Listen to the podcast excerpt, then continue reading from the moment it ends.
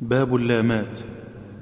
وغلظ وش فتح لام لصادها. أو الطاء أو للضاء قبل تنزلا إذا فتحت أو سكنت كصلاتهم. ومطلع أيضا ثم ظل ويوصلا وفي طال خلف مع فصالا وعندما يسكن وقفا والمفخم فضلا. وحكم ذوات الياء منها كهذه. وعند رؤوس الآي ترقيقها اعتلا وكل لدى اسم الله من بعد كسرة يرققها حتى يروق مرتلا. كما فخمه بعد فتح وضمة. فتم. نظام الشمل وصلا وفيصلا.